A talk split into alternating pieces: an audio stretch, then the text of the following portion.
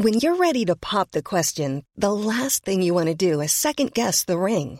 At Bluenile.com, you can design a one of a kind ring with the ease and convenience of shopping online. Choose your diamond and setting. When you find the one, you'll get it delivered right to your door. Go to Bluenile.com and use promo code LISTEN to get $50 off your purchase of $500 or more. That's code LISTEN at Bluenile.com for $50 off your purchase.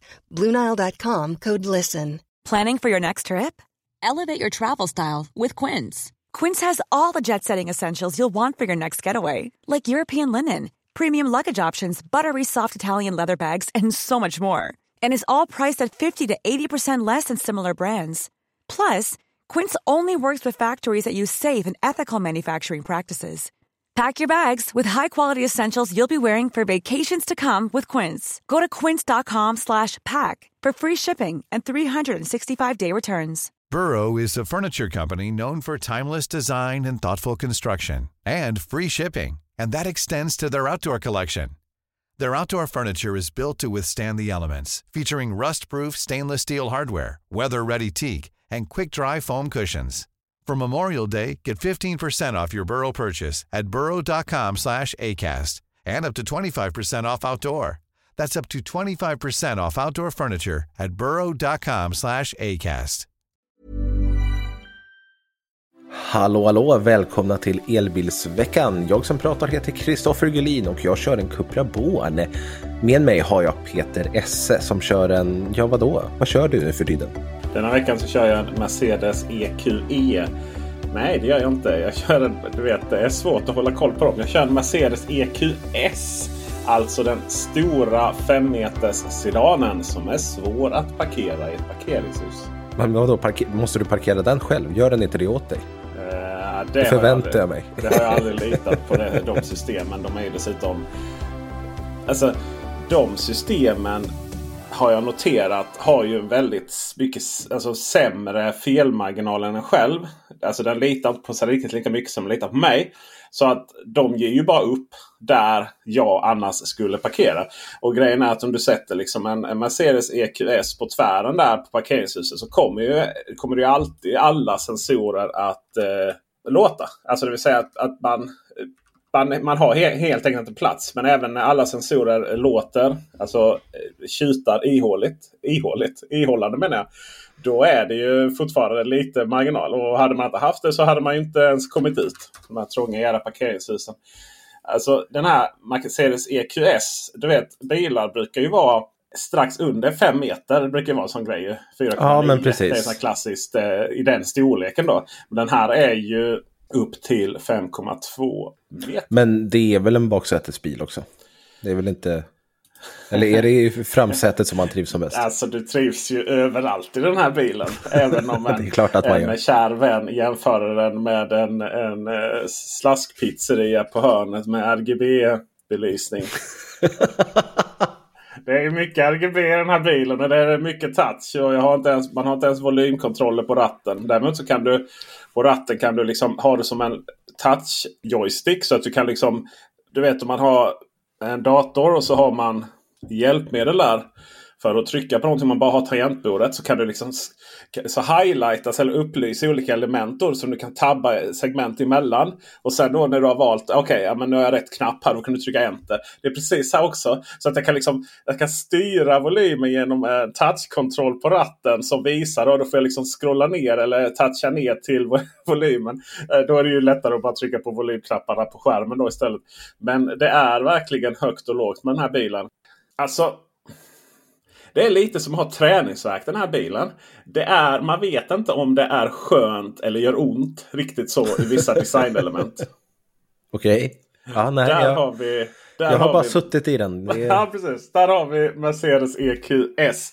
Eh, det som jag är mer fundersam över är liksom, vad, vad tycker du om Cupra Born jämfört med ID3 nu då? jag eh, ska säga att den här Cupra Bornen som jag har, den är ju, har ju i princip ingen utrustning alls. Den har en annan färg än standard, den har eh, 19-tummare istället för 18-tummare fälgar. Men annars så finns det liksom inga paket på den, utan det är liksom, det här är en Born som du köper för liksom listpris. Jag tror att listpriset på den här är 499. Och då är ordinarie, då är liksom standardpriset 485 eller något sånt. Så att det är liksom färg och fälgar som är.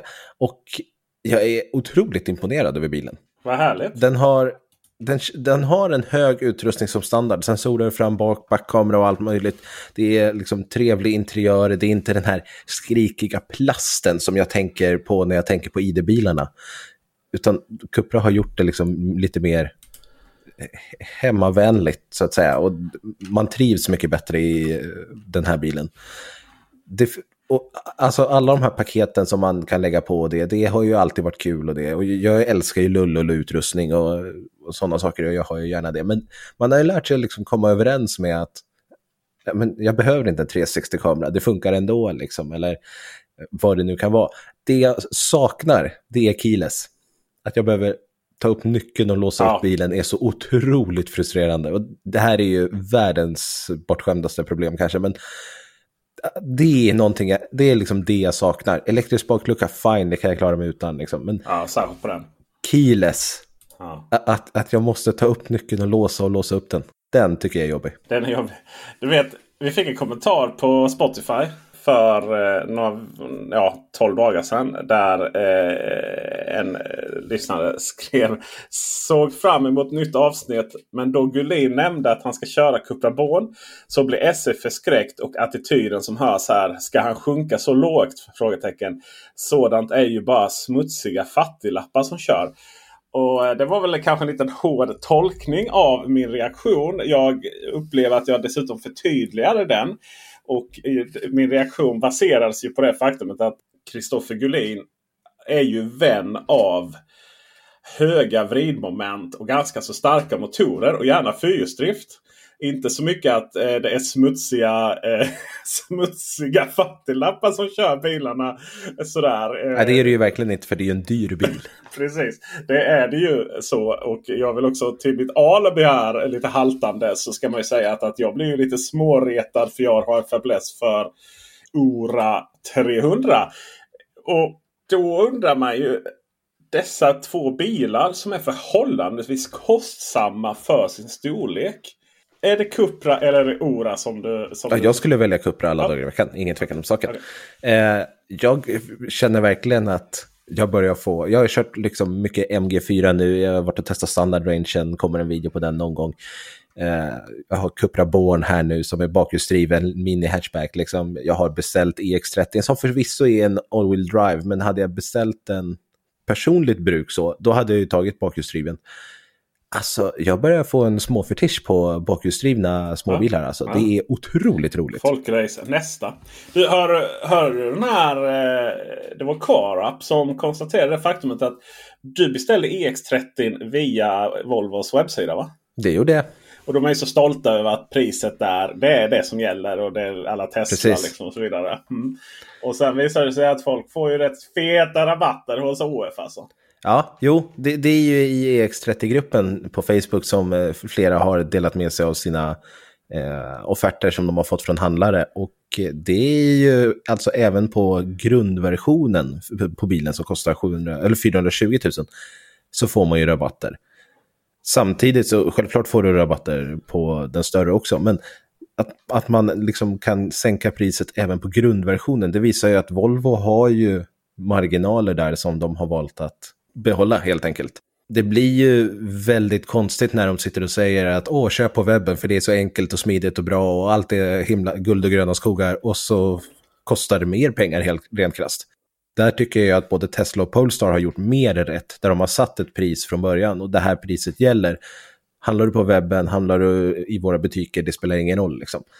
Så måste ju Volvo också göra om de ska hålla på med det här, för att i nuläget finns det ju ingen anledning att köpa på webben. Om man inte ska göra som jag gör och välja prenumeration. För det kan inte handlarna liksom styra priset över. Är, så köper du privat med, privat med billån, då gå till en handlare. Ja, och även då naturligtvis om du har de här stora avtalen, tjänstebilsavtalen och så vidare. Absolut. Där det ligger, ligger avtal via alla de här varianterna. Eh, Autoplan till exempel från Swedbank och allt vad det heter. Det vill säga finansiering och hantering i ett. Den Swedbank den bjuder jag på, den reklamen. Vi ska nu eh, gå vidare till att prata egentligen ett helt avsnitt om att meta abborre. Aha, aha, fisk. Ja, det är en bil. Ja, precis. Ja, jo. Mm. Det är ungefär ibland börjar det kännas när det kommer till de här fiskarbilarna lika troligt att de lanseras på marknaden som att jag faktiskt lyckas få en abborre när jag fiskar. För jag har inte varit så himla bra på det. Men de har ju då visat upp hela tre olika elbilar nu. Från att ha haft jätteproblem med att leverera massvis med olika försök här från den goda fisken. Nu har man alltså visat upp tre stycken olika elbilar. Eh, får vi se va, va, va, om vi får se dem på riktigt då. Men vissa journalister har ju sett dem. Men Kristoffer Gullin, du har bättre koll än vad jag har på detta. Ja, och jag tänkte att eh, vi skulle börja med att bara säga lite snabbt vad Fisker är för något, för det är ett ganska okänt märke. För er som inte har koll så är det ett amerikanskt företag som grundades 2005 och eh, har väl inte haft några direkta jättesuccéer. Eh, man har synts till lite i rubriker men man har inte sålt några direkt bilar, särskilt många av dem. VD är däremot danska Henrik Fisker eh, och han är bilddesigner. Kanske några har hört talas om honom. Han har designat bland annat BMW Z8 som många anser är en riktigt fin bil. Och sen har jag min personliga favorit som jag tror många andra håller med mig om. Aston Martin DB9 eller DB9 har också designats av Henrik Fisker, så det här med bilddesign, det kan han. 2022 lanserades Fisker Ocean, deras nysatsning för företaget och då är det elbilar som är eh, hela poängen med allting och allting ska vara elektriskt och eh, förnybart och återvunnet och han har faktiskt lyckats väldigt bra. Vi ska prata om Fisker Ocean sen, tänker jag. Först ska vi ta och prata lite om de här nyheterna som de har presenterat under natten till fredag. Det, först har vi Fisker Peer som ska ha ett pris på under 30 000 dollar, säger man. Och Fisker Peer, det ska även dess, den här gången vara en SUV, för det är det som folk köper. Den ska locka oss unga människor som bor i städer att vilja köpa en bil. Och där vet ju alla att SUVen mår som allra bäst. Eller hur det brukar vara. Men det är ju SUV vi köper så att det är ju SUV de tillverkar. 4,5 meter lång med upp till sex säten. Det gör den ju lite intressant. Att man kan få soffa även i fram. Så att en bil för unga människor i städerna, SUV upp till sex säten. V vad ska det här bli för bil? Plus att den ska vara jättebillig.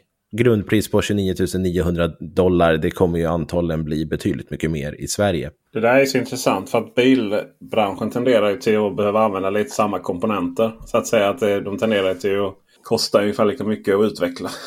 Så när det kommer sådana här billiga, billiga, billiga. Oj den ska vara så billig. Tenderar ju det sen när det väl sätts svenska priser sen att mm, Ja, och just att den här ska vara lite annorlunda med bland annat liksom soffa fram och bagageluckan som öppnas neråt istället för uppåt. Den glider alltså under bilen när man öppnar den.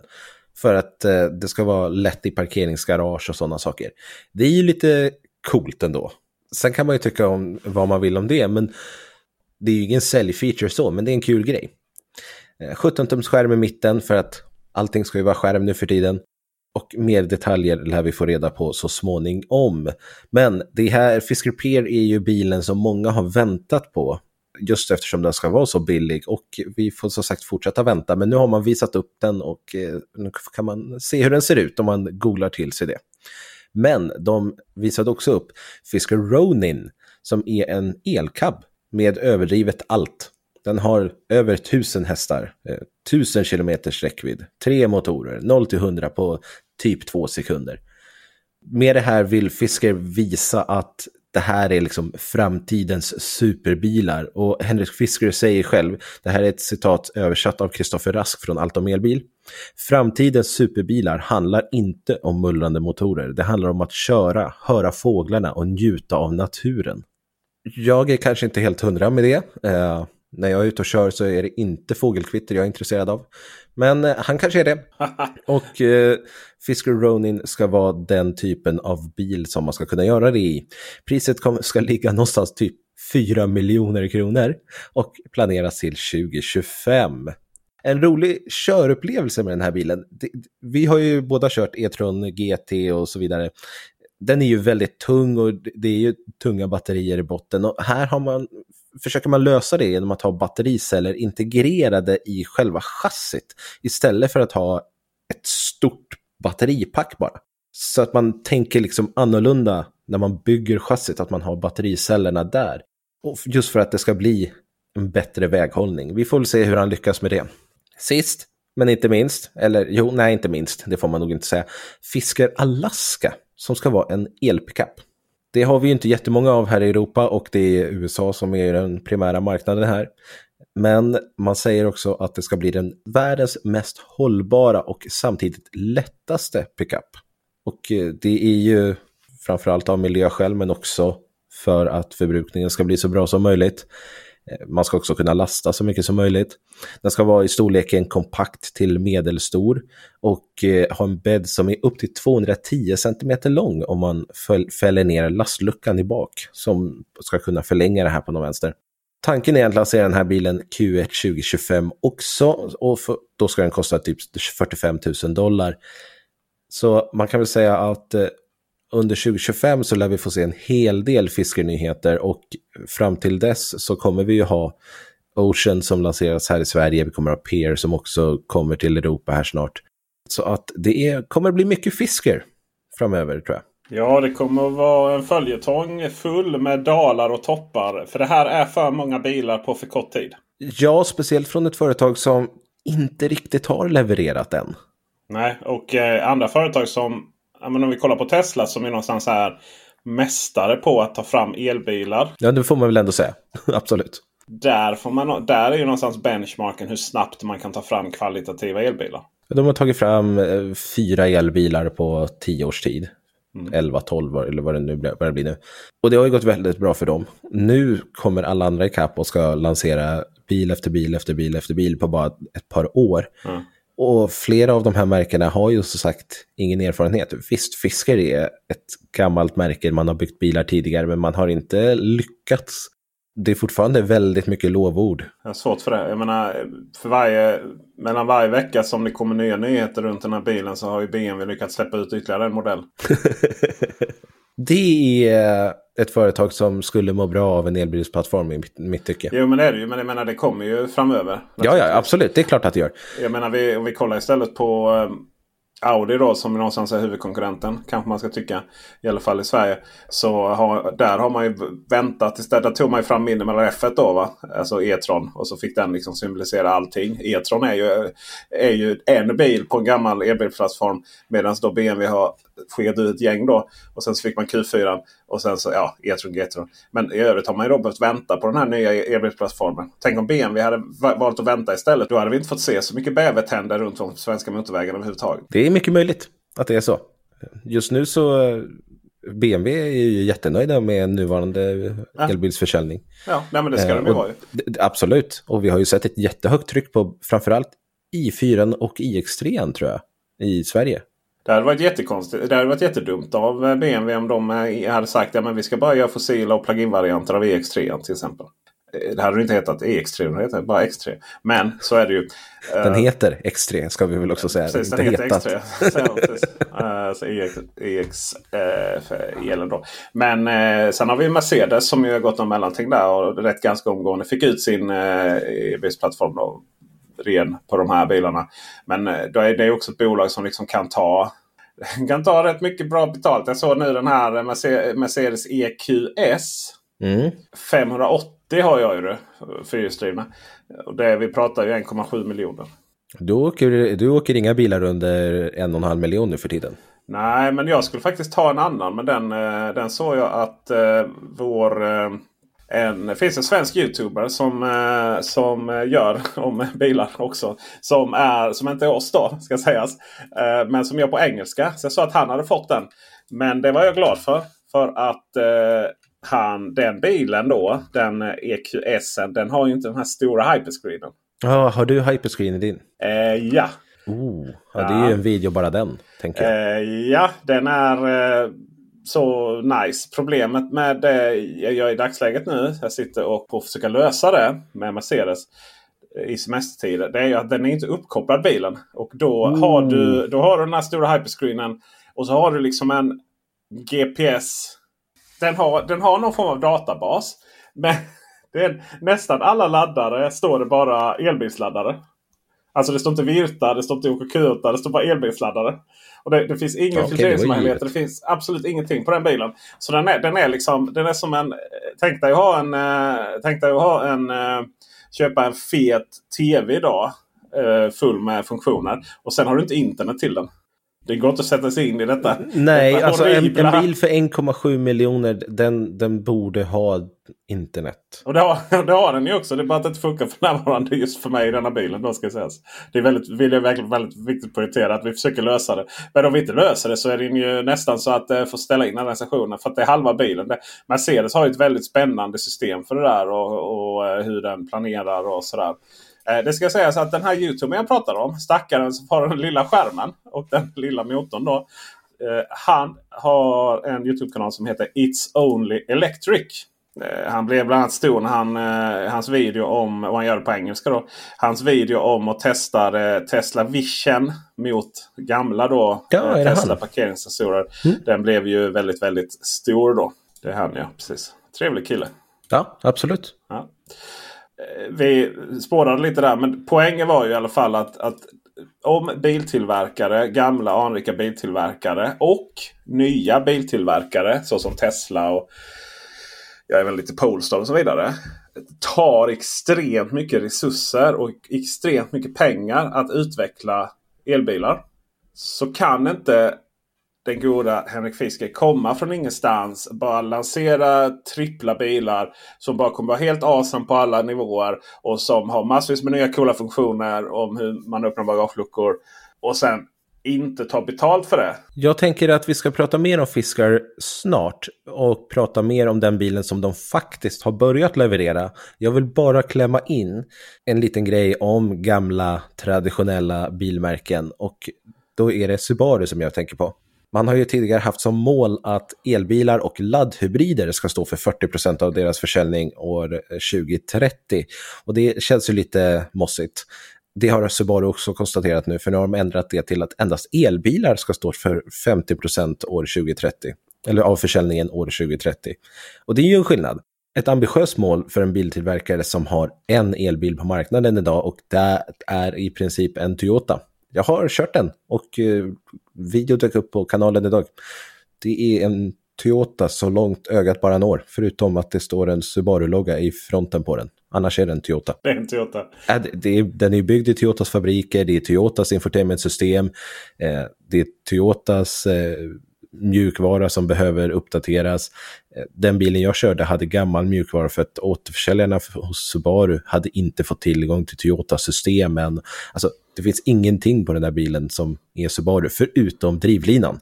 Och det är ju bra för att Subaru kan ju göra drivlinor. Men vad, vad inkluderar drivlina i det här fallet då? Motorer, eh, diverse saker och ting. Ah, så Såna, alltså, det, är inte, det är inte Toyotas motorer alltså? Toyota har ju varit med och gjort det. Men det är Subaru som står för merparten av det som jag har förstått det. Okay. Eh, och hu hu hur de ska jobba med fyrhjulsdriften och tänkte att det var det svåra. Liksom. men eh, det, okay, de har tagit interiören och liksom hela system och så. Ja, gud. Men du, eh, vem, det tycker jag är lite spännande. Vi nämnde ju eh, Ora här innan. Mm. Det är ju samma svenska generalagent. Det är det. Men var du nere och hämtade den här i Malmö? Eller var det, eller, eller var Subarun, eller var det ÅF du fick den? Nej, jag har eh, timmat upp med en återförsäljare här i Uppsala som eh, har lite bilar. Och jag tänkte att Subaru, eftersom den är så lik Toyota så känns det så onödigt att ha den i en hel vecka för ja, testning. För det mm. blir i princip samma videos som jag redan har gjort. Man ska respektera sin tid så att säga. Precis, och då tänker jag att eh, då, lånar, då kan man låna en bil en dag och så liksom, kör man en provkörning då, då, så att det inte blir en full recension av bilen för att en dag är lite för tajt för att göra en recension. Liksom. Men en provkörning kan man ju alltid göra.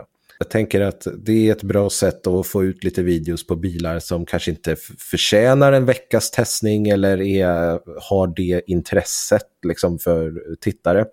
Men att eh, man åtminstone kan göra någon form av video. Så det kommer troligtvis bli lite mer sånt också, där jag kör bara vanliga provkörningar. Men som sagt, Solterra var en av dem. En kul kommentar som jag fick, det var att en stor fördel med Subaru Solterra versus Toyota BZ4X var att eh, Solterra faktiskt har ett vettigt namn versus Toyota så där en katt har legat på tangentbordet och så bara råkade det bli ett eh, namn. Det tyckte jag var en kul kommentar. Han var, in, han var inget fan av BZ4X. Nej, verkligen. verkligen. Men eh, för att nå det här målet med 50% elbilar till 2030 i försäljningssiffror så ska de alltså lansera åtta elbilar fram till 2029 så att de går in med det, i det året med åtta elbilar och då kommer det fortfarande vara väldigt mycket samarbete med Toyota.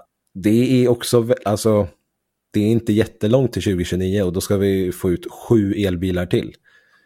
Å andra sidan, om de tar en Toyota och sätter en Subaru-logga på den så är det inte jättemycket utveckling som kommer behövas.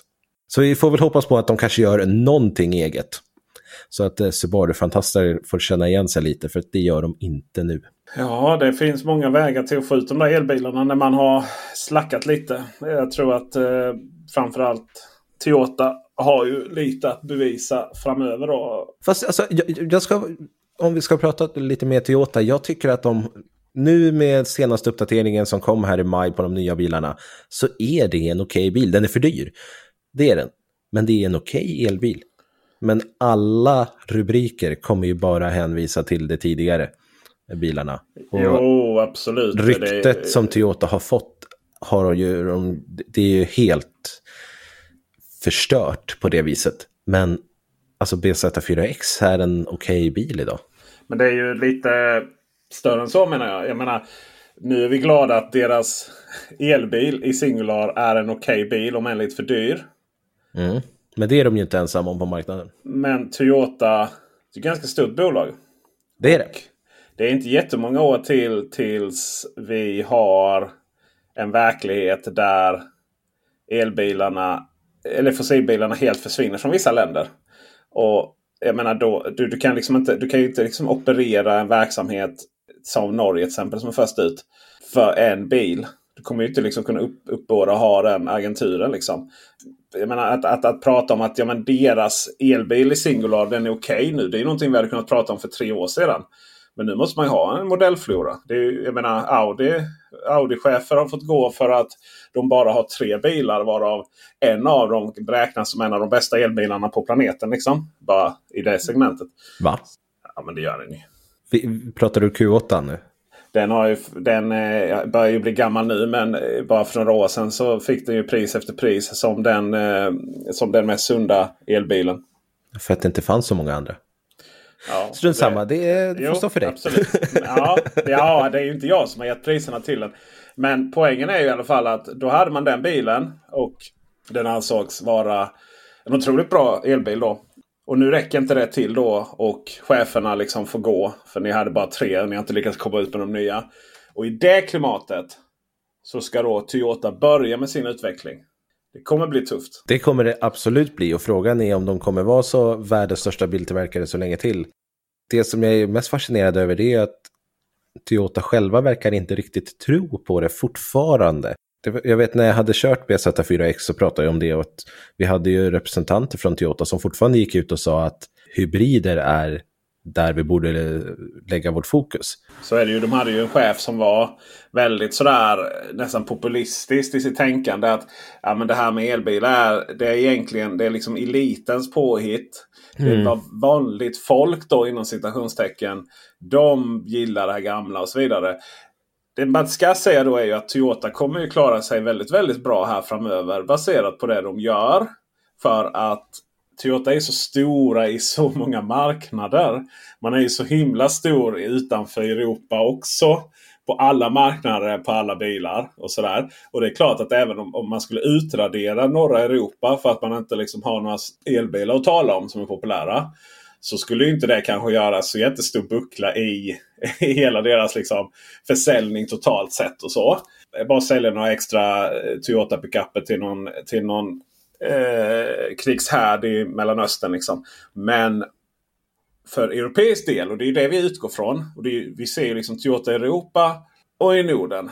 Och här kommer man nog tappa otroligt mycket. Eh, sådär. För så himla fantastisk är ju inte BZ kattnamnet som jag inte ens kan uttala.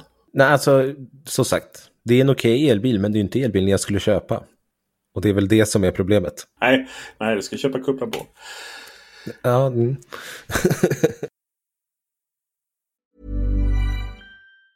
If you thought the only way to get a more defined jawline with natural looking results was through surgery, think again. Juvederm Volux XC is a non surgical injectable gel filler that improves moderate to severe loss of jawline definition and can help you achieve natural looking results with little downtime. Even better, this improved definition lasts up to one year with optimal treatment. No maintenance required. Improve jawline definition for a smooth, sculpted look with Juvederm Volux XC. For important safety information and to find a licensed specialist, visit juvederm.com. That's J U V E D E R M.com. Not for people with severe allergic reactions, allergies to lidocaine, or the proteins used in Juvederm. Common side effects include injection site redness, swelling, pain, tenderness, firmness, lumps, bumps, bruising, discoloration, or itching. There's a risk of unintentional injection into a blood vessel, which can cause vision abnormalities, blindness, stroke, temporary scabs, or scarring. Talk to a licensed specialist specialist to find out if it's right for you. When you're ready to pop the question, the last thing you want to do is second guess the ring. At Bluenile.com, you can design a one of a kind ring with the ease and convenience of shopping online. Choose your diamond and setting. When you find the one, you'll get it delivered right to your door. Go to Bluenile.com and use promo code LISTEN to get $50 off your purchase of $500 or more. That's code LISTEN at Bluenile.com for $50 off your purchase.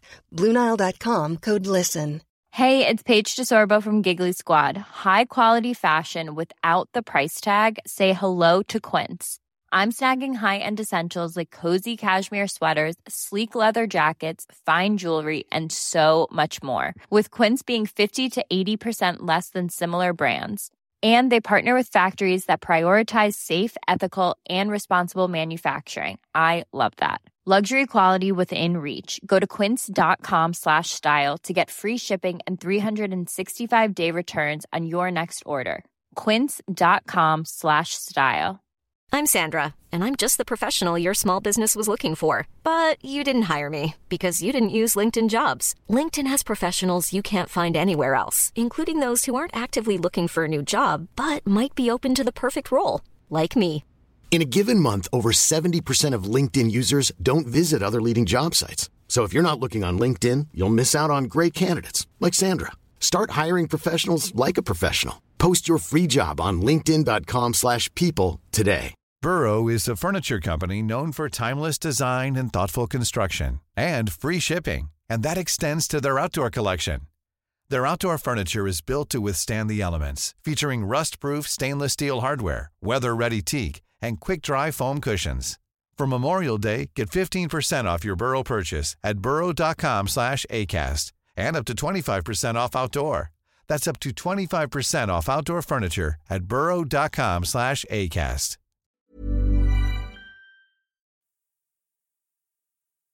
Men tillbaka till Fisker och eh, vissa journalister har ju varit och provkört dem.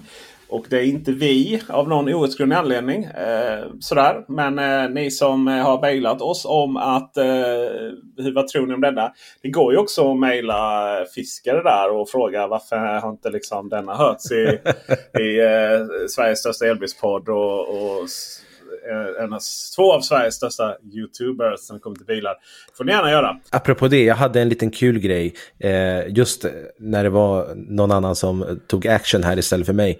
Eh, det var en som mejlade om Mercedes EQE, att jag inte hade testat den och frågade om, ah, om jag inte kunde göra det. Ja, jag har inte ditt problem med den bilen. Men så mejlade jag Mercedes och så löste vi det. Men då hade han ringt till Mercedes återförsäljaren här i Uppsala och frågat om jag kunde få låna en EQE. E. Ja, så det var ju lite gulligt. Ja, det var fint. Ja, det var fint. Ja. Eh, apropå Nej, helt annat.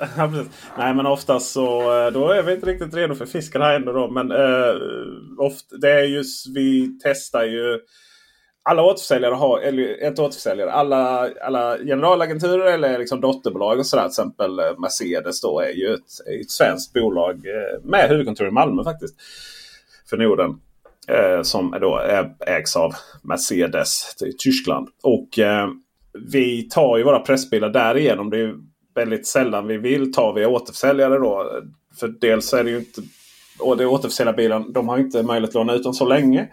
Och sen är det ju inte heller riktigt deras jobb att stå för den risken. Och slutligen så kan det också vara så att åt, åt eh, de här eh, svenska, eller man säger generalagenterna eller, eller vad, hur det nu går igenom de har ju speciella bilar och, och, vill kanske också gå igenom de här bilarna på ett helt annat sätt. Och så så det är, optimalt är ju att, att det går via dem. Då. Men är, vi är väldigt tacksamma att ni, att, ni är, att ni är vår röst här.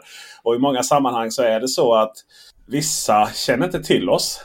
Eh, så, utan man, man har sitt, sitt gäng eh, journalister från konkurrenterna här då, som, man, som alltid har varit med. Och sen så när det ska ja, lanseras elbilar så känner man helt enkelt till att vi finns då kanske. Och ibland kan det vara ett aktivt val också. Bland annat så berättade Mercedes länge hade som policy att inte låna ut bilar till annat än papperstidningar. För man ansåg inte att eh, så här, webb och annat eh, pack hade, hade de resurserna att stå för självrisk och sånt om något skulle gå sönder. Då. Eh, och sen så finns det ju ibland en viss, eh, det finns också kanske ibland en viss tanke om att vi är liksom lite för fina. Eller har funnits kanske en tanke att vi är lite, inte vi då utan eh, eh biltillverkarna, är lite för fina för att testas av något så banalt som folk som gör video då. Utan det ska liksom vara papper och det ska vara sådär. Och det tror jag inte finns längre. Men det fanns ju absolut för några år sedan då. Men sen så finns det ju eh, en extra, en extra eh, känga till Volvo Cars då som kanske har den mest arroganta PR på planeten för det här landet. De kan bjuda ner liksom fulla norrmän som knappt vet vad de pratar med om. Men för svensk del, nej, nej, nej, nej. Det är gammelmedia så det jordbrinner. Det är alltså lanseringen av EX30 du pratar om där? Ja, men det var ju en. Eh, han var ju påtagligt full liksom. Den norrmannen. Han, där, liksom. han hade haft ja. partykvällen innan. Det ja, det ryktas om det. Men eh, nog om, om det. Nu Ska vi gå vidare till Fisker? Fisker Ocean.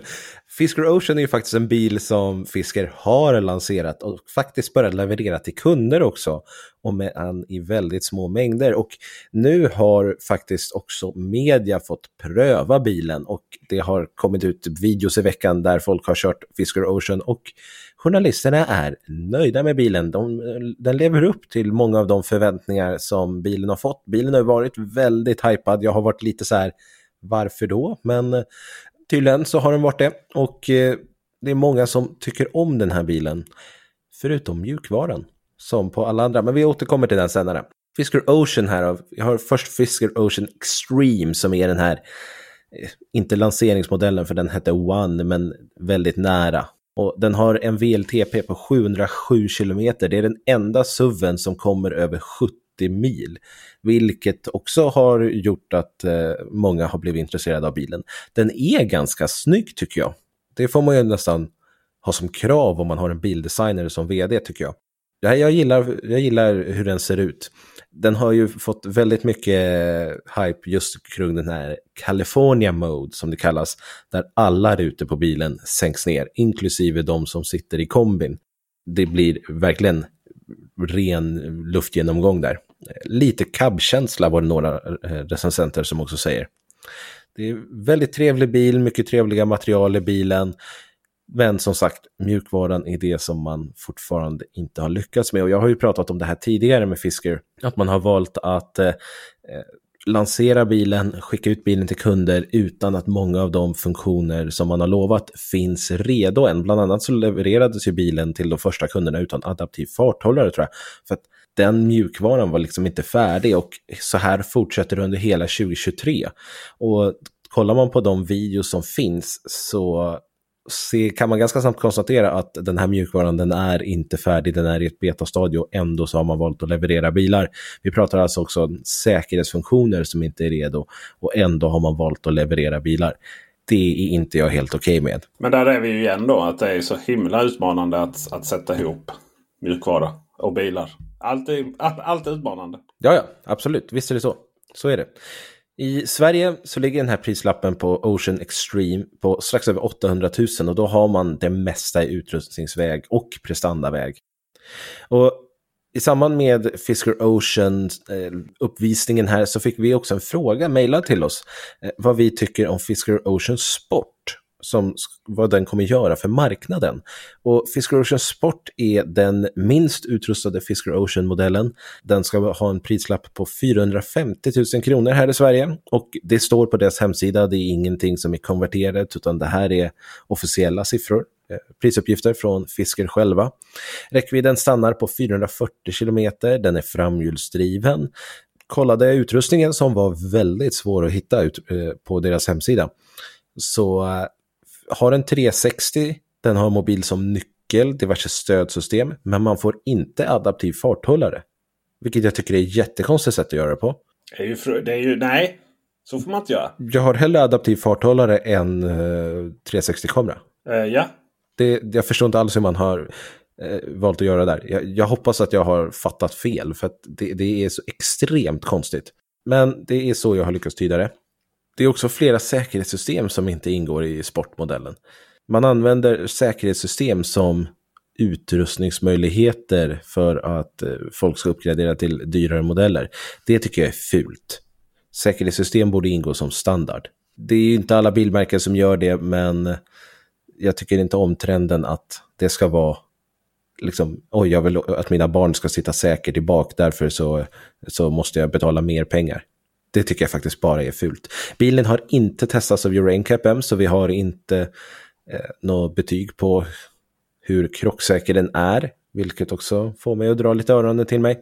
Men eh, rent säkerhetsmässigt så kan man inte kommentera jättemycket. Det är inte jättemånga gånger vi har sett eh, Fisker Ocean kört in i en vägg.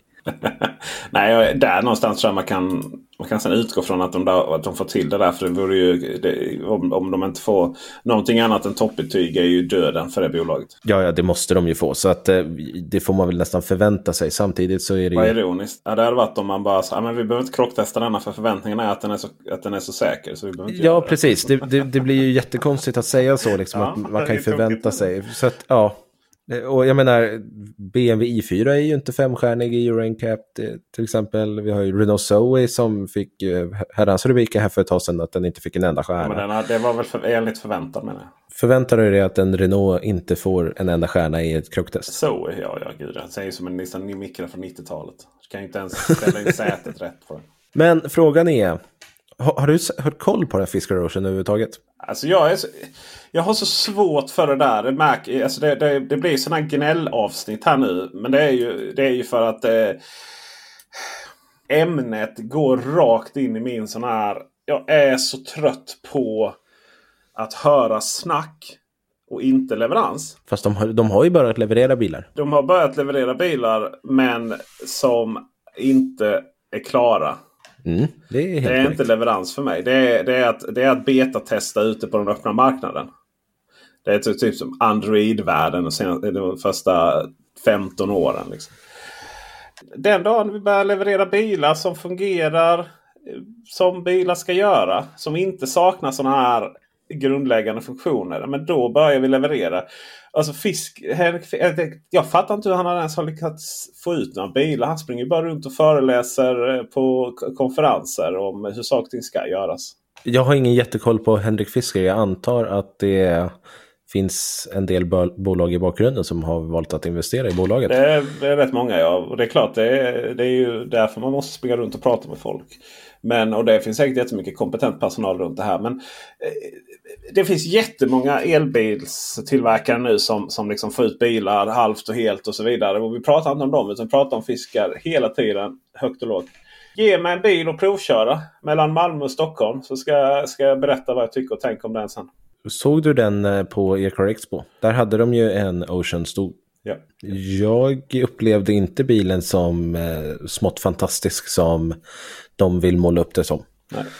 Eh, den här. Fisker Ocean Sport för 450 000 kronor, en VLTP, räckvidd på 440 kilometer i den storleken ändå, för det är en stor bil som ändå rymmer en hel familj och gott om utrymme och plats och allt möjligt som vi svenskar tycker om. Det tror jag är ett aggress aggressivt pris och jag tror att det kommer ta andelar från eh, Kia Niro och det segmentet. Eh, de som tittar på en Tesla Model Y kanske kommer titta mer åt det här hållet. Den kostar ändå 100 000 kronor mindre. Men då måste de ju kunna leverera. Det är där nyckelordet är. Jag tror absolut att Ocean kan bli en bil på våra svenska vägar om de lyckas leverera en färdig bil. Ja, det är ett intressant segment och så är det lite så här hur får vi ner pengarna? Eh, alltså hur får vi det pengarna? Hur får vi genom att jag vet inte, köpa, handla. Men eh, hur får man liksom ner priset på de här bilarna? Eh, det finns ju eh, bilar har ju lite olika komponenter. och det där tenderar ju till att vara lite så här. Eh, ja, men litet batteri. Men det fungerar räckvidden liksom för att det är en ganska liten bil. Och så för, förutom då generellt här nu. Nu sa du precis att det här är inte är en så liten bil. Men om vi tar liksom Kia Niro-segmentet då. Så i den prisklassen. Så det är så här, hur kan, hur kan vi få en bil som känns rätt nice att köra? Rätt nice att interagera med. Men det behöver inte vara så himla dyrt för att det inte är så stort batteri i den. Alltså det segmentet alltså, är jättespännande. Batteriet är på 75 kWh så det är ju inte ett litet batteri Nej, så. Och batterierna, bilarna som har batterier på 75 kWh brukar ju kosta 500-600. Yes. Tar bolaget själva en stor förlust här för att få marknadsandelar? Det har vi ju sett att MG gjorde och i stor sannolikhet gör BYD också, eller BYD också det. Eh, Vi ska prata mer om dem snart. Är, vi kan bara spekulera. Eh, som intressant segment. Det är det jag har sett. Vi får se hur det, vad som händer. Ja, det, det får man verkligen säga. Ingen direkt nyhet om när bilen kan komma till Sverige. Den det är sagt att den ska komma till Sverige. Du kan gå in och reservera den, men på den vägen är det.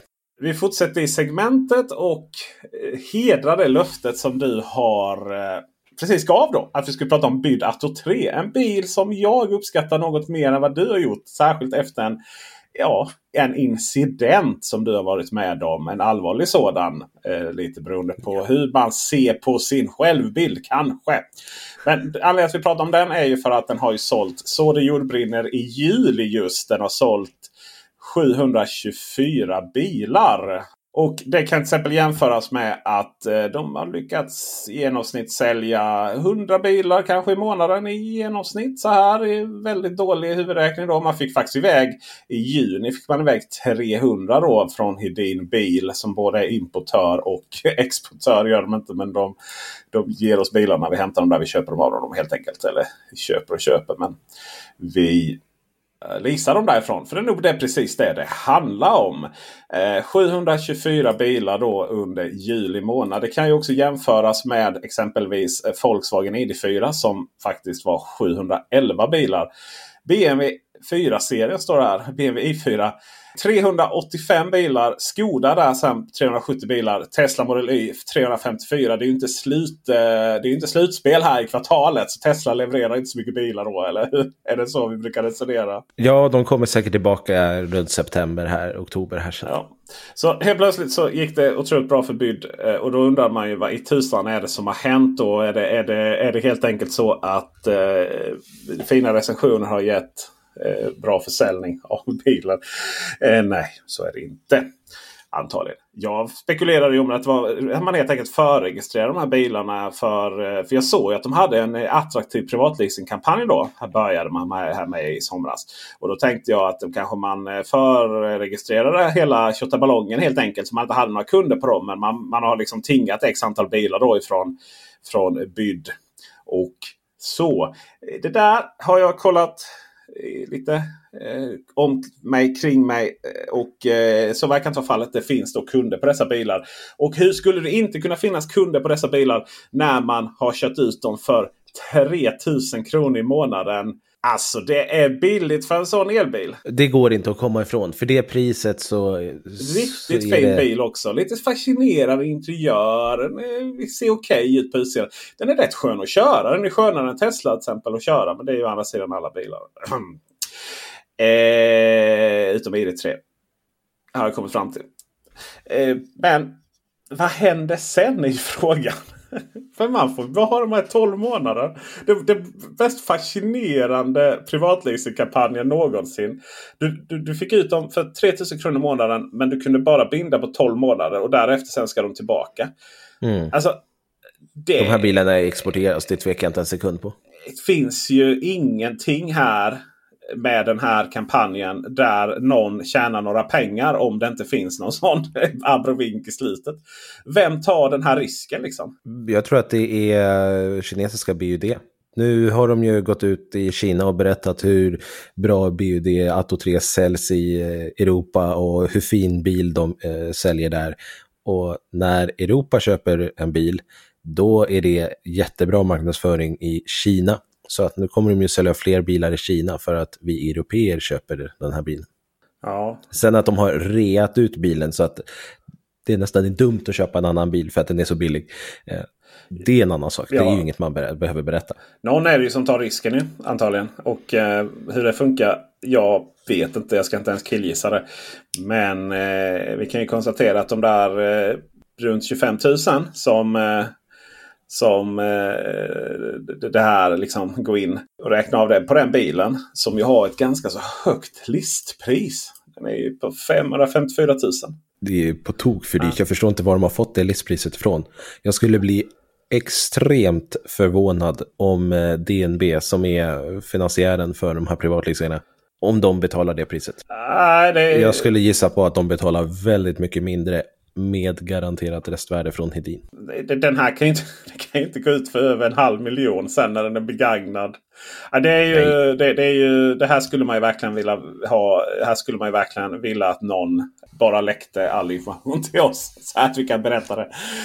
Min eh, gissning är att vi kommer få se en ganska stor export av Atto 3 under nästa sommar. Ja, vi får hålla koll på uh, siffrorna där. Vi ser ju då. Fortfarande så har de ju en, en privatleasingkampanj på 3 och 4 fast nu i 36 månader. Det är fortfarande ett bra pris för den bilen. Det går inte att komma ifrån. Vad jag än snart kommer att säga. Skall du pendla från och till jobbet inom rimliga gränser. Eh, ska du ha en andra bil? Ska, ska du bara ha någonting så som de flesta bilar går in i stan? Alltså 3 och 4 per månad. Om du tänker att eh, ja, men en Nissan Leaf skulle antagligen funka för mig för jag behöver inte en större bil. Då är det här en bättre bil. Ja, alltså. Ja. Du, du är väl lite hårda här. Fast alltså i den här prisklassen, du har MG4 och du har Nissan Leaf. Om de, får, de har nog inte kvar sitt privatleasingpris. Och så har du Alltså BD Atto 3. Jo, men jag menar den har ju mer konkurrens än så. Jag menar, den, eller den, den, den matchar ju fler bilar än så. Absolut, det gör den. Men om vi kollar bara prismässigt. Ja, ja, absolut. Men jag menar, den, den, den, det här priset är ju, det, det, är ju halva priset mot vissa bilar som folk ja. köper som andra. Nej, men precis. Ja, okay, ja, precis. Okay. Ja, men jag tror, vi, jag tror att vi, vi, möter, vi möter varandra här i samförstånd från olika håll. Så att säga. Eh, ja, Eh, Eh, verkligen så. Där Nissan Leaf skulle fungera skulle denna fungera. Men jag menar där Volkswagen ID4 och eh, Aria, Nissan Aria, där de går in som någon form av andra bilar. Så, så funkar den här också. Så, att säga. så den har ganska stor match. Eh, och dessutom så tror jag att det finns, nog, det finns nog de som skulle uppskatta den här bilen bättre än till exempel Tesla. Eh, baseras då om man, om man avskyr avskalade interiör och eh, system som ändå påminner om varandra men som inte är så himla jädra mycket. Vet du vad du får på den här bilen? Du får parkeringssensorer. Det får man. Man får till och med 360-kamera, elektrisk baklucka. Ja. Är... Eh, gitarrer får man också. Gitarrer får du också. Som ju, i och för sig, de Fyra stycken. Har du barn får du klippa av dem. Jag tror Då får man sen betala på försäkringen. Alltså, det är bokstavligt talat så. Kolla på, kolla på, gå in på på, eh, höll jag på att säga eh, fel, fel här, men då säger vi så här. Gå in på Elbilsmagasinet på Youtube. Inte guiden om elbil. Och kolla på Byd. Och, eller på min kanal. Peter. Ja, mina, mina videos har inte börjat komma på den än. Men har du, alltså, har du, har du inte kört ut uh, alls den? Alltså, nej jag har inte gjort det. Jag, jag, ta, men jag du testade ju Byd 3 för länge sedan. Hade du gjort det via återförsäljning? Ja, jag lämnade tillbaka den i, för en vecka sedan. Men vilken för... bud var det du testade? Körde runt med bara på... Ja, det är sant. Ja. Jag har Atto 3 en provkörningsvideo, ja. men nu har jag ju faktiskt testat bilen i en vecka. Men jag tänkte gitarrspelandet, det hade du väl med i första videon? Ja, det har jag med i första Exakt. videon. Exakt! Jag har koll på dina videos, Kristoffer. Ja, ja. betydligt bättre. Jag har nått över 200 videos nu. Jag, ja, jag börjar tappa kolla den själv. Börja, ja, precis. Börja, fast man får börja bli stressad här nu. Men eh, där finns gitarrspelandet. Det är en fruktansvärd grej om du har barn. Det kommer vara liksom, det är som att sparka på sätet bakifrån. Men det finns ju värre saker med den här bilen, eller hur? Alltså, från min personliga synvinkel så är ju inte det här en bra bil. Du nämnde att den var skön att köra och med fjädringen där. Jag tycker att fjädringen är alldeles för mjuk. Den följer ju med ner i hålen och sen så hoppar den upp, vilket gör att man sitter där och hoppar istället. Jag hade mycket gärna haft en lite styvare fjädring som inte var så mjuk. Jag tycker att fejklädret i bilen det borde inte ens få kallas fejkläder. Det, det, det, är så, liksom. det är så vidrigt och det är så plastigt. Och, alltså, det är den absolut sämsta finish jag någonsin har sett. Jag hade tyckt att det var mycket bättre om de hade kört med tygsätten. Ja, det hade det varit. Ja, jag håller med. Men det, jag, jag finner en viss charm i det. För den matchar på något sätt det övriga så här konstiga tacky-grejer med drakfjäll på sidorna och, och gitarrer och, och annat. Jag ska säga så här. Jag är inget fan av inredningen. Men cred till dem för att de har tänkt annorlunda. Ja, just det. Där vi den. Det är liksom så diplomatiskt som jag gör det. I övrigt, så, som sagt, jag är inget jättefan av det här. Gitarrerna är kanske kul i två minuter. Sen hade det varit trevligare med vanligt fack bara faktiskt. Ja, det, hade varit mer användbart. Det ska ju sägas att, att det vi hänvisar till gitarren, ni som inte åker titta på våra videos, så är det ju, det är ju tre stycken tygsträngar som, typ. som är för att hålla grejer på plats då istället för, ni vet på sidodörrarna. Då. Mm, och det, det sitter på alla dörrar och sen i fronten så är högtalarna designade som att det är någon form av eh, gitarrkropp liksom. Så att man, man tänker gitarr när man ser det. Eh, och därav gitarrreferensen.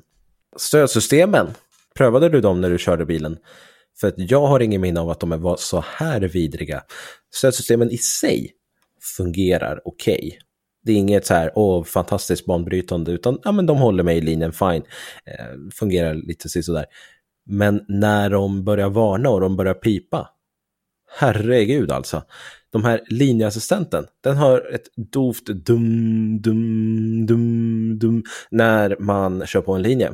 Och det slutar aldrig. Jag, jag stannade på vägen, mitt i filen, och det fortsatte dum, dum, ja. dum stäng av varningen. Ja. Men nej, så jag åkte ju konstant runt med det där dummandet eh, över musiken. Vidrigt. Problemet eh, här, eh, även med min test då, det var ju att det var ju en sån återförsäljartest. Så vi fick, jag fick låna den från Hedin Bil i Helsingborg då. Och det var ju bara ett dygn då. Så det var ju liksom ingen sån Nej, okay. recension mm. på det sättet. Eh, vilket är problematiskt. Så jag fick tyvärr inte äran att eh, testa den. För eh, det är ju någonting som jag föraktar mer än biltillverkare som snackar om till levererar. Det är ju stödsystem som gör att man vill köra ner för en stup. Ja, det är nog inte helt omöjligt att eh, man hade velat eh, göra med den här. För att om man tyckte att det här var jobbigt, då kommer det till eh, själva filhållningsassistenten här sen som håller mig i filen. Fungerar också helt okej, okay, inget märkvärdigt. Men när den inte kände av händerna på ratten och den varnade, då var det liksom stora pipalarm. Nu tänker jag inte göra det för att folk sitter i bilen och kommer bli livrädda eh, om jag gör det. Just för att det blev jag också eh, när bilen började pipa. För det är liksom alarm Shit. Beep, beep, beep, beep, fast mycket kraftigare. Och man är livrädd, vad händer? Och så tittar man på fördelsplayen, okej, okay, den tycker inte att jag håller i ratten. Och så börjar man hålla i ratten. Men pipet fortsätter. Stäng av pipet. Ja, det slutade med att jag stängde av funktionen. Jag kunde inte köra med den funktionen på för att den upptäckte detekteringen på ratten när jag håller i ratten är för dålig, vilket gör att det här pipandet kom hela tiden. Det var fruktansvärt frustrerande. Så jag kunde inte ens använda funktionen. Jag gillar ju att de försöker sälja detta som premium. Alltså, MG är billigt och Byd är liksom premiumbilar. Det tycker jag är fascinerande. Jag kan, ja, det håller absolut inte med. Jag kan tänka mig att den är, det är en bil i det övre budgetsegmentet. Eller Jag håller, ja, nej, det är uppenbart att vi inte håller med så att säga. Det var, jag tycker jag vill, inte att det är en premiumbil. Osäker som jag är så vill jag ju verkligen stryka under nu att det är inte mina ord alltså. Utan det är, utan det är liksom bydgruppen på Hedin då som, som vill positionera den på det sättet. Och, och, det var ju också där priserna kom in från början kanske. Ja, men priserna var ju öronen för höga från början. 550 000 för den här bilen. Jag vet att privatleasingen låg ju någonstans kring 5-6 tusen eller något sånt. Men däremot så mjukvaran, alltså systemet är rätt det är enkelt, det är pedagogiskt, det är lätt att hitta. Man kan, eh, nu finns ju inte Youtube så vi kan sitta och titta på oss själva. I alla fall inte när jag testar den. Eh, men då kan du liksom vertikala eller horisontal eh, ändra skärmen. Det tycker jag är lite festligt. Den har, alltså, teknikmässigt och mjukvarumässigt så är den ju ett riktigt upplyft när det, eh, om man jämför med MG. Den kan ju som sagt vrida på skärmen av någon anledning. Uh, man kan tycka det är trevligt. Uh, kör man Apple CarPlay som numera finns, eller Android Auto också för den delen via kabel, då blir det automatiskt eh, vågrätt skärm. Den, eh, du kan inte ha den i lodrätt läge om du vill köra med dem. Det som är nice också när man kör med Apple CarPlay var att den tog upp hela 15-tumsskärmen. Så Apple CarPlay var jättestort. Ja, men var det stort eller var det, var det stort eller var det lågupplöst så att säga? Alltså var det bara väldigt ja, det, stora ikoner? Det, som det, det blev ju väldigt stora ikoner. Ja, eftersom Apple, jätte... har, Apple har ju sagt att så här ska det se ut. Och beroende, det spelar ingen roll om skärmen är 25 tum eller 5 tum. Det kommer ju se likadant ut. Ja, liksom. fast jag har sett, eh, jag har ju på Mercedesen så är det ju stort, gigantiskt hyperscreenat. Det är ju verkligen högupplöst. Sen har jag ju sett större skärmar där det blir stort genom att alltså du ändrar inte, antal, du ändrar inte upplösningen, du ändrar bara storleken. Så att det ser alltså, ut som, liksom, som att man har någon VGA-skärm från 90-talet. BUDs skärm upplever jag inte som lågupplöst. Jag tycker den ser bra ut. Eh, den är skarp och fin. Eh, jag ska också säga att man behöver ju faktiskt inte använda mobilen för att koppla upp den, för den har liksom egna appar. Den bygger ju på Android i bakgrunden, så har man Android så känner man igen sig med de här bakåtknappen och hemknappen och de där knapparna som jag inte alls är van vid eftersom jag själv kör iPhone normalt sett. Men du har Spotify inbyggt. Du har en eh, navigator som funkar riktigt bra, den är responsiv och fin.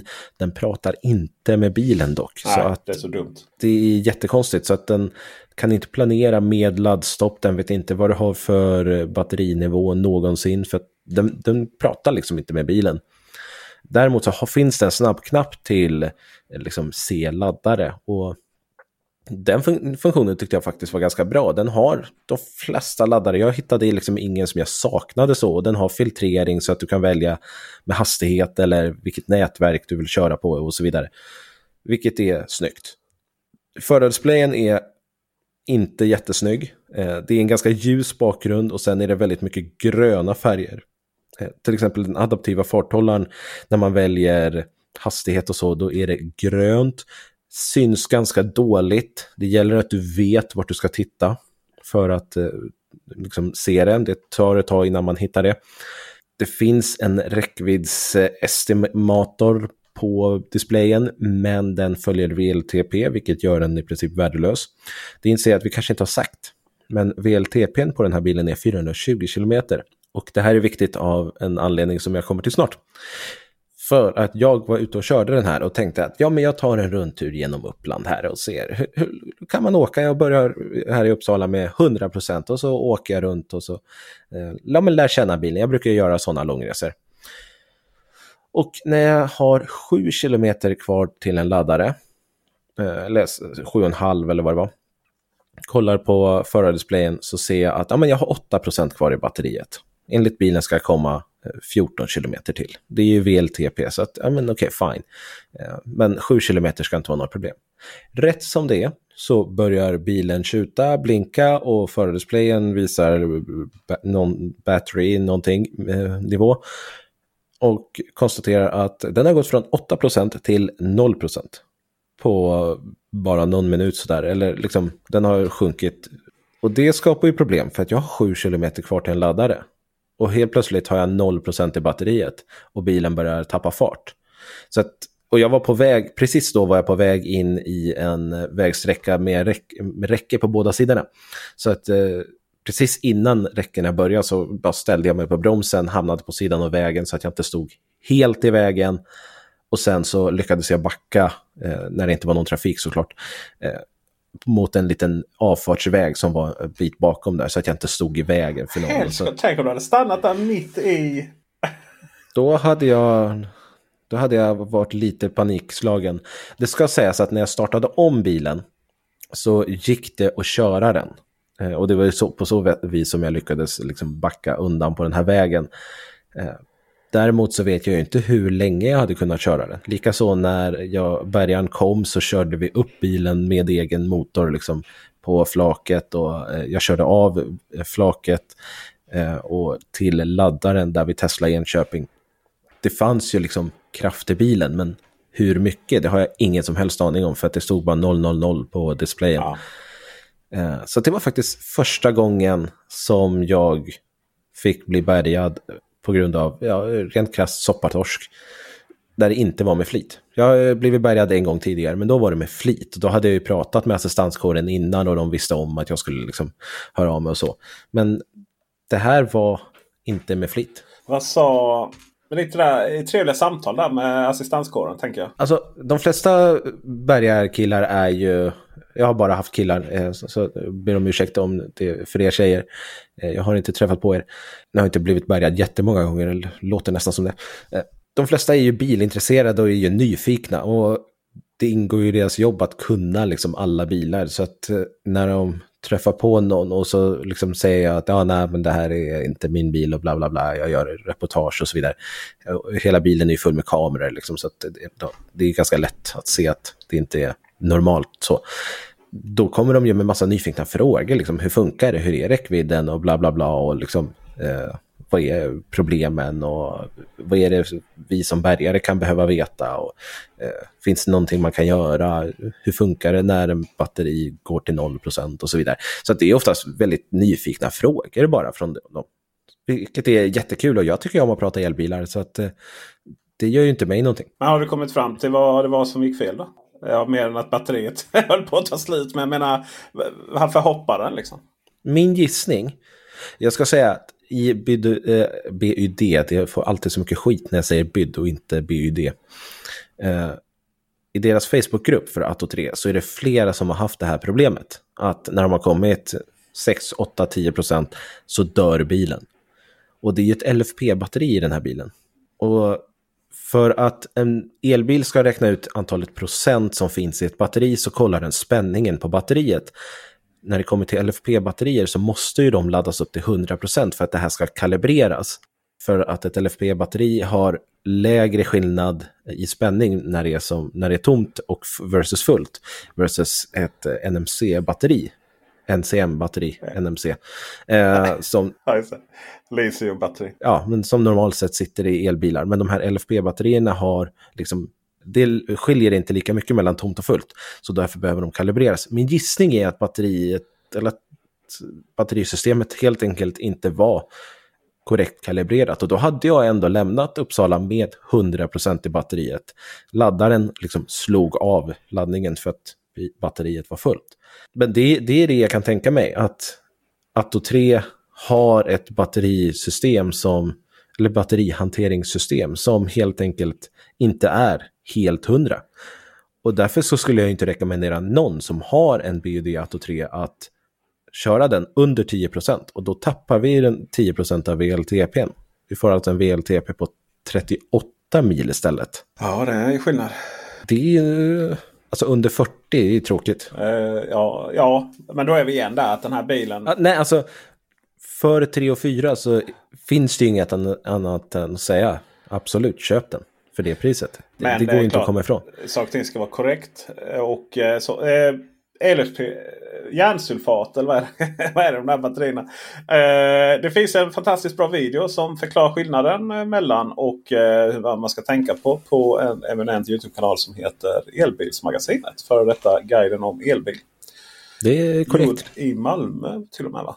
Gjord på Refill i Malmö. Fint ska det vara, fint ska det vara. Med en Tesla. Med en Tesla, ja precis. För att du har det i eh, deras standard range. Va? Det var en standard range. Ja.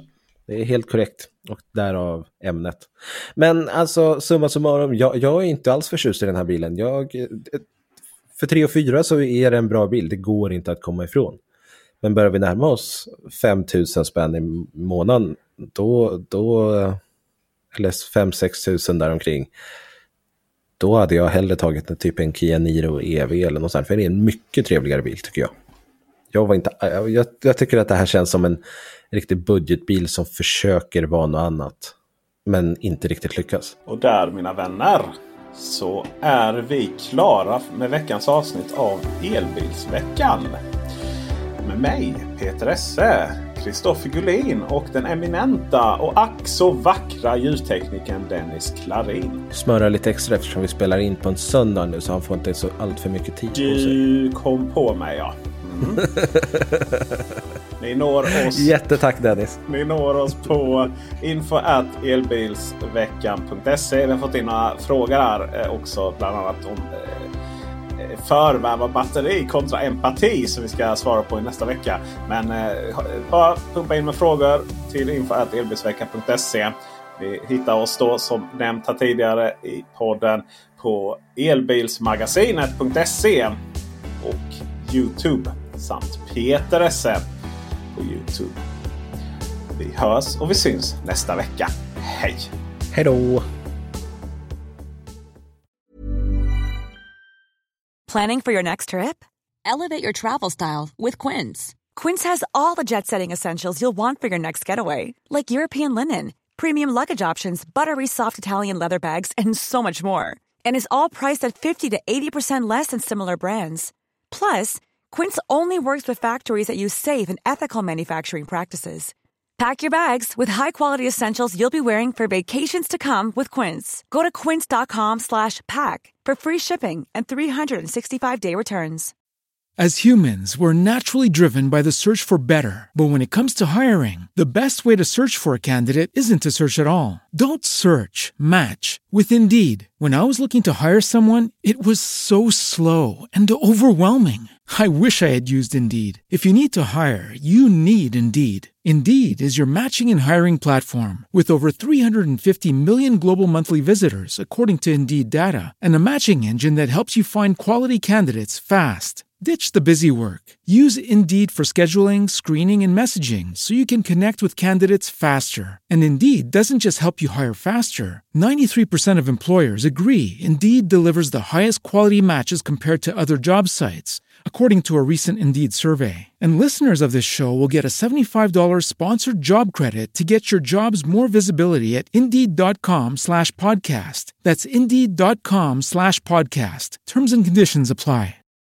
When you need mealtime inspiration, it's worth shopping Kroger, where you'll find over 30,000 mouthwatering choices that excite your inner foodie. And no matter what tasty choice you make, you'll enjoy our everyday low prices, plus extra ways to save, like digital coupons worth over $600 each week. You can also save up to $1 off per gallon at the pump with fuel points. More savings and more inspiring flavors make shopping Kroger worth it every time. Kroger, fresh for everyone. Fuel restrictions apply.